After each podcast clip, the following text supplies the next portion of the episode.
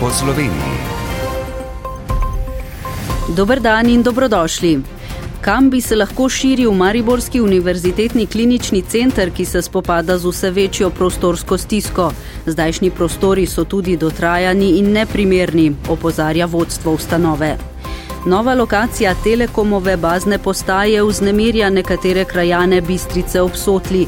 Čeprav bo ta nekaj deset metrov dlje od šolskega kompleksa, menijo, da bo to še vedno preblizu.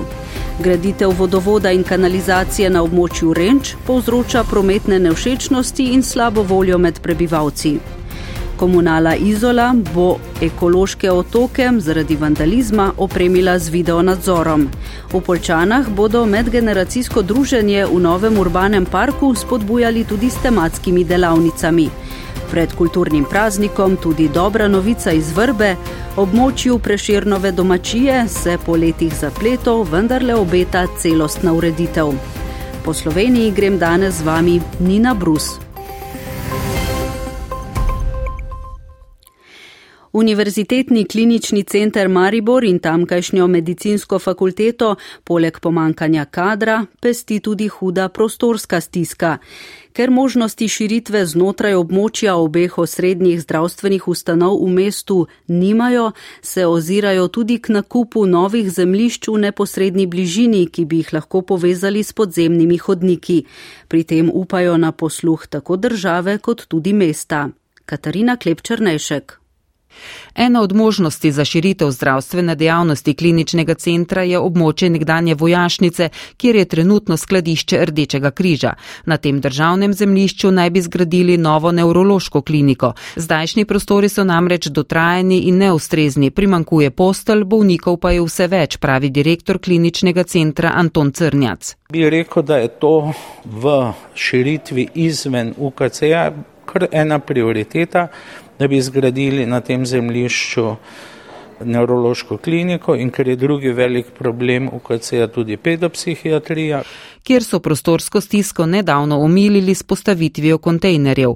Pogovori tečejo tudi za nakup zemlišča ob Hoferjevi trgovini ob Titovi cesti, ki naj bi si ga bolnišnica delila z medicinsko fakulteto. Ta dodatne prostore potrebuje za povečanje upisa na programu splošne medicine. Že zdaj pa po 20 letih delovanja fakulteta krepko presega prostorske zmožnosti. Načrtovana je bila za Eh, približno 100 študentov.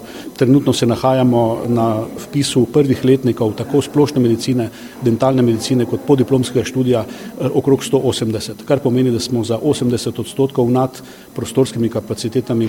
Med možnimi lokacijami širitve dekan Mariborske medicinske fakultete Istok Takač omenja tudi območje pekarne, kjer bi lahko uredili prostore za študij dentalne medicine in načrtovane farmacije. Ob tem pa velja spomniti, da uporabniki pekarne selitvi dejavnosti z tega območja na drugo lokacijo v mestu nasprotujejo. Približno desetina krajanov Bistrice obsotli, združenih v civilno inicijativo, s podpisi nasprotuje prestavitvi telekomove bazne postaje v bližini šole. Star gasilski dom, na katerem stoji dosedanja bazna postaja že približno 25 let, je kakih 15 metrov oddaljen od šole in vrca. Dom je zaradi graditve novega vrca predviden za rušenje, nova lokacija bazne postaje, za katero že pridobivajo gradbeno dovoljenje, pa je približno 60 metrov više, poroča Suzana Vahtarič. Predvidena nova lokacija bazne postaje je približno 60 metrov več oddaljena od šole oziroma zdajšnje postaje, a je po mnenju krajanov še vedno preblizu šole in vrca. Predstavnik civilne inicijative Simon Črnelč. Upamo na boljšo možnost, ko se zdaj obeta. Torej, problem je zaradi bližine naselja. Bližine naselja, predvsem pa je to zelo blizu osnovne šole in vrca, tujin in praktično v razvitem svetu neka standardna razdalja. Več kot 100, 150, 200 metrov nekak je. Tu je pa zdaj 20. 20 metrov, ampak tudi nova lokacija je preblizu, nekje 60 metrov. Nova lokacija je zbrana brez vedenja občanov. Šele konec minulega leta so izvedeli za njo, ko so bili nekateri krajani o tem obveščeni kot stranke v postopku pridobivanja gradbenega dovoljenja. In kot dodaja Simon Črnilč. Ne nasprotujemo novih tehnologijam. Mi dejansko podpiramo resničen napredek. Za nas pomeni napredek to, da se možnosti za občane izboljšujejo, obenem pa, da se poskrbi tudi za zdravje ljudi. Ne? In eh, tudi ne nasprotujemo občino, jaz tudi razumem, občina mora slediti zakonom, ne more solirati, ne more delati po svoje. Lahko pa se recimo sklicuje na previdnostno načelo, na Arhuško konvencijo in na podobne, ko bi rekel, ustavne pravice, ki obstajajo. Na predstavitvi, ki jo je pripravila občina, stroka nima zadržkov za postavitev. Nova lokacija pokriva še dva zaselka. In če bo dober signal v približno 2 km oddaljenem Kunšperku, bi lahko tudi otrokom v šoli zagotovili približno tako razdaljo za še vedno odličen signal, pravijo v civilni inicijativi in opozarjajo na škodljive učinke dolgotrajne izpostavljenosti to vrstni tehnologiji. A kot pravi župan Bistrice obsotli Franjo Debelak, je v več predvidenih lokacijah, za katere niso dobili vseh soglasij, pri izbrani upoštevana tudi njihova zahteva, da se odmakne od šolskega kompleksa. Meritve na sedanji lokaciji kažejo 4 odstotke dovoljene meje, kar je po previdnostnem načelu, če se že o tem pogovarjamo, zelo nizko.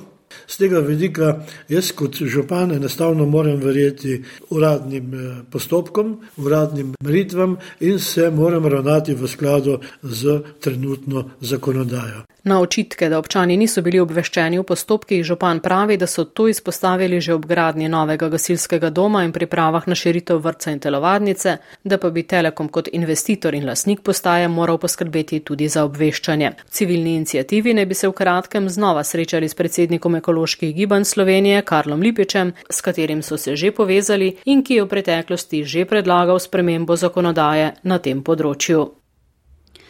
Graditev vodovoda in kanalizacije, ki se je začela v občini Renče Vogrsko septembra lani, povzroča ob cestnih zaporah in oskih obvozih nemalo težav in slabe volje prebivalcem Renč. Zaradi del je že lep čas zaprta glavna prometnica skozi naselje, tako da je ves promet speljan po lokalnih cestah skozi okoliške zaselke. Najbolj so na udaru Tureli, kjer so že v preteklosti opozarjali na neustrezno reševanje in zanemarjanje reševanje prometnega vprašanja. Več Walter Pregel. Lokalna cesta med Renčami in Bukovico je zaprta že več mesecev. Zaradi dodatnih del je popolna zapora skozi središče Renč pri zdravstvenem domu.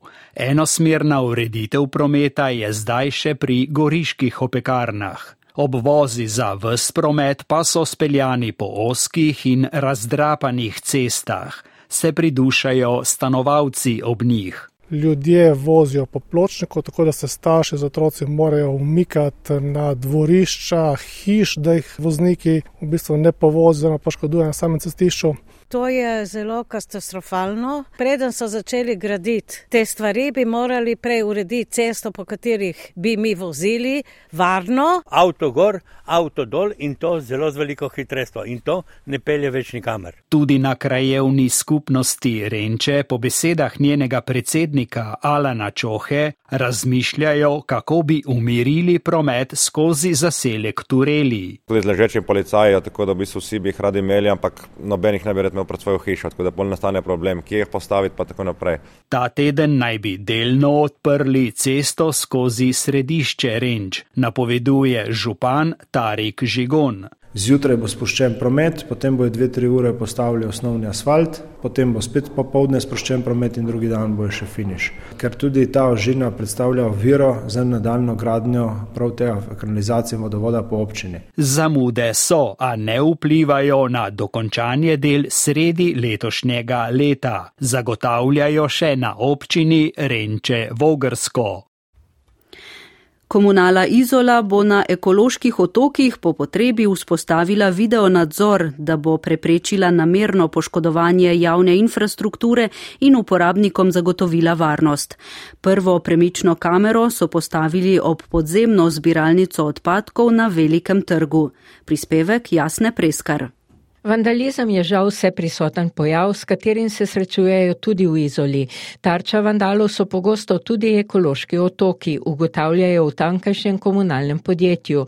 Vodja delovne enote za ekologijo in ravnanje z odpadki Miran Milenkovski pravi, da so se posamezniki znašali nad zabojniki, jih zažigali in lomili. To se je največkrat dogajalo med prazniki, zlasti božično-novoletnimi, pa tudi na čisto običajne dneve. Mi smo do sedaj Eh, obveščali občane, da se take zadeve ne počnejo, vendar do nekega velikega oziroma učinka ni prišlo. Zato smo se odločili, da bomo v izoli postavili video nadzor nad ekološkimi otoki. Nabavili so dve solarni kameri, ki ju bodo po potrebi predstavljali. Te dve kamere bomo postavljali na tiste ekološke otoke, ki bojo najbolj pereči. Video nadzor bo usmerjen na osko območje ekološkega otoka. Na lokaciji bo postavljena tudi ustrezna opozorilna tabla. Smo seveda izpolnili vse zakonske podlage, pridobili tako mnenja inštitucij in dovoljenja lasnika in seveda izdelali interna navodila, v katerih imamo točno navedeno, kaj se lahko snema, kdo lahko ima v pogled, koliko časa imamo lahko to na razpolago in kdaj se mora brisati. Prva kamera že stoji in sicer v podzemnem ekološkem otoku na Velikem trgu, ki so ga predali namenu sredi lanskega poletja. Kaj boste še lahko slišali v prihodnjih minutah? V Polčanah urejajo urbani medgeneracijski park, v katerem bodo druženje spodbujali tudi s tematskimi delavnicami. Izvedeli boste, s katerimi vsebinami bodo po obnovi napolnili grad v Črnomlju. Tudi zagonetna zgodba ureditve celotnega območja preširnove domačije v Vrbi se počasi, a vendarle približuje srečnemu koncu.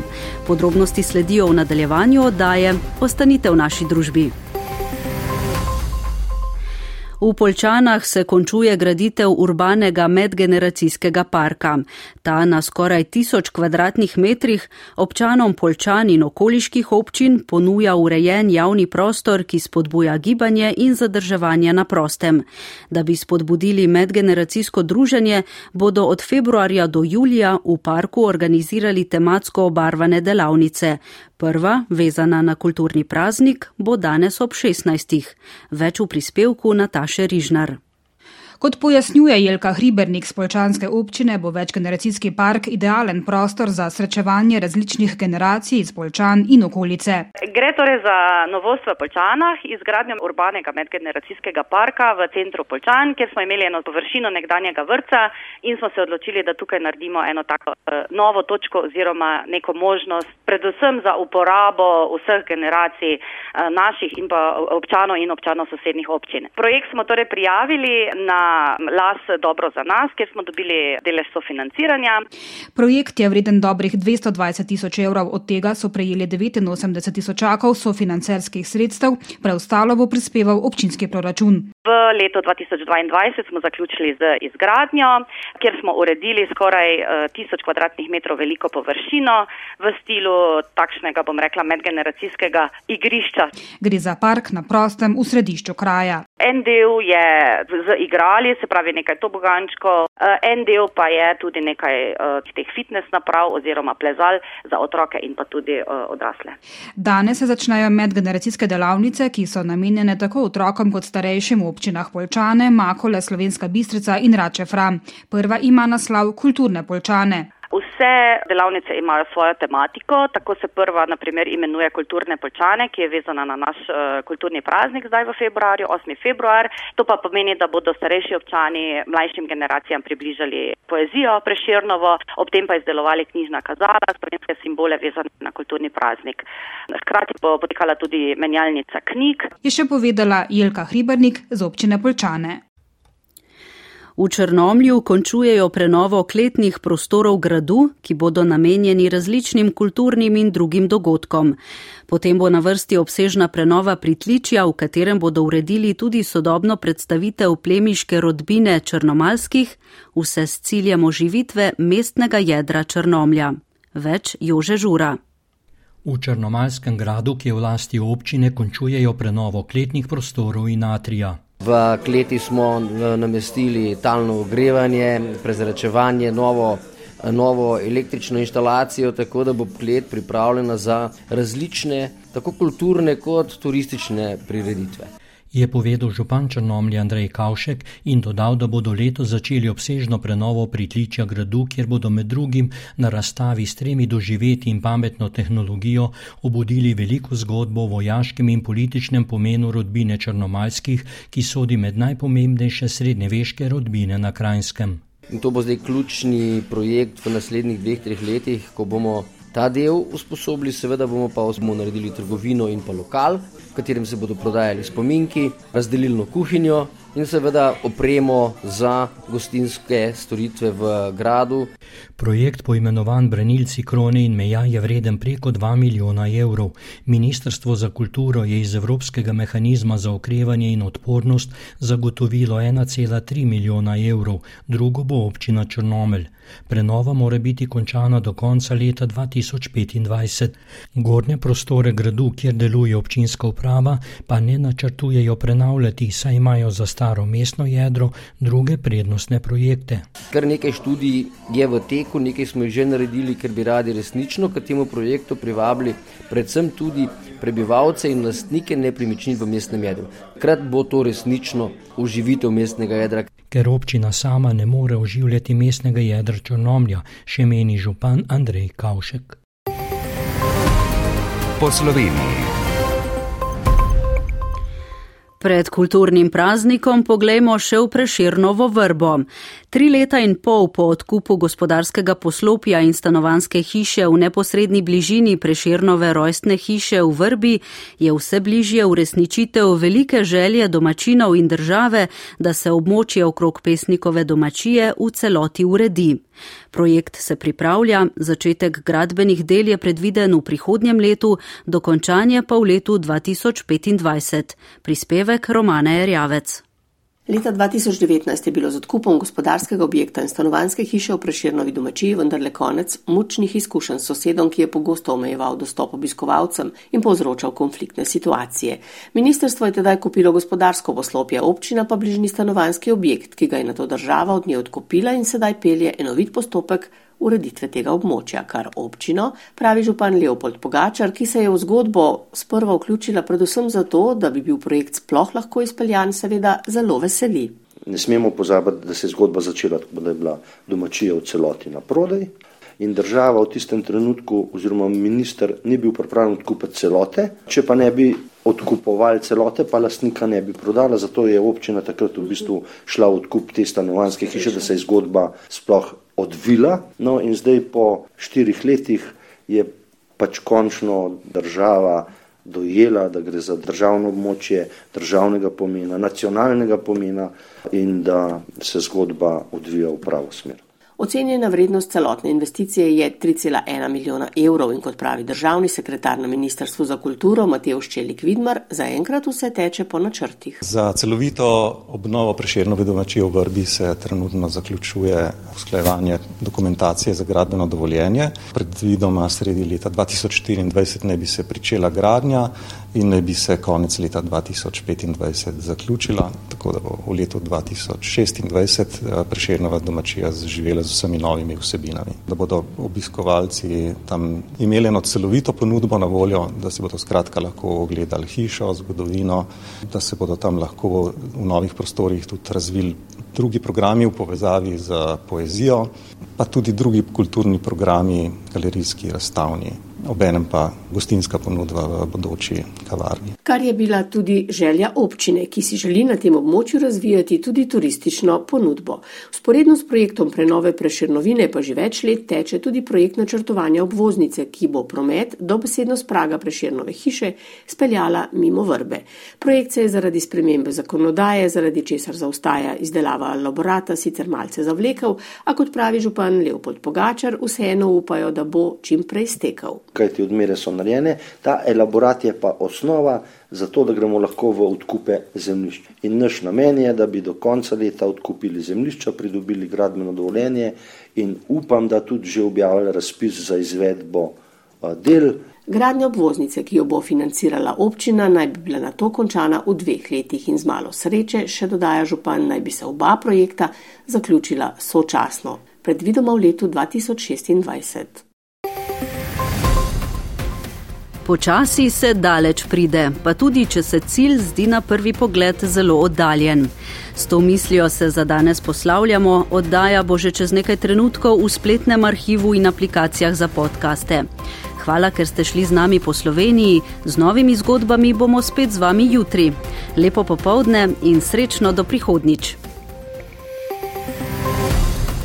Poslušali ste oddajo po Sloveniji. Urednik Dušan Milič, voditeljica Nina Brus, tonski mojster Grega Žumar.